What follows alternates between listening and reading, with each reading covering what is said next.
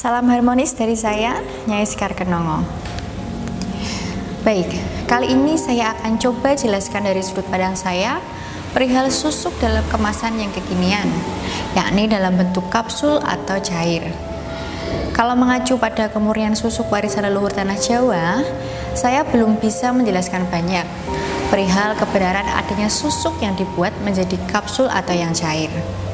Bisa jadi saya yang kurang belajar banyak tentang susuk modern atau memang itu hanya hasil karya dari tokoh spiritual di luar sana yang kurang mendalam mengenai susuk.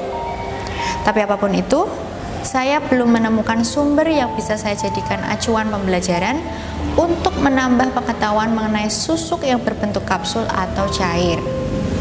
Semua kembali pada diri Anda sendiri, dan saya yakin Anda sudah bijak dalam menentukan pilihan, juga lebih tahu tentang susuk itu sendiri. Saya pun tidak mengharuskan Anda untuk memakai susuk dari saya, tidak. Saya hanya ingin memurnikan kembali susuk warisan leluhur sesuai dengan apa yang saya pelajari.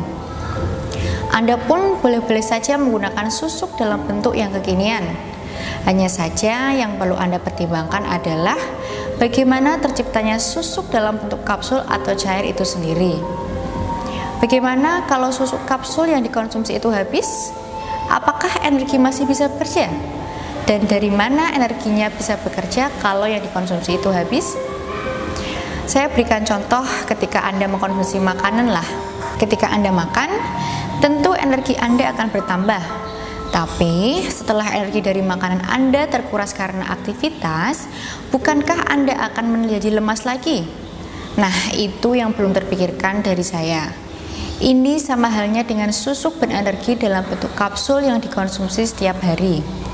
Anda boleh kok bertanya dari banyak orang tentang susuk, proses pemasangan susuk, media susuk yang digunakan, dan lain sebagainya. Kesimpulan yang bisa saya ambil adalah Sampai sekarang, saya belum bisa mengatakan banyak hal mengenai adanya jenis susuk yang beredar di luar sana dalam bentuk kapsul atau bentuk lain yang kekinian. Padahal Anda tahu sendiri, susuk adalah warisan leluhur tanah Jawa. Itulah sekilas video pengetahuan dari saya. Sampai ketemu pada video selanjutnya. Salam harmonis dari saya, Nyai Sekar Kenongo.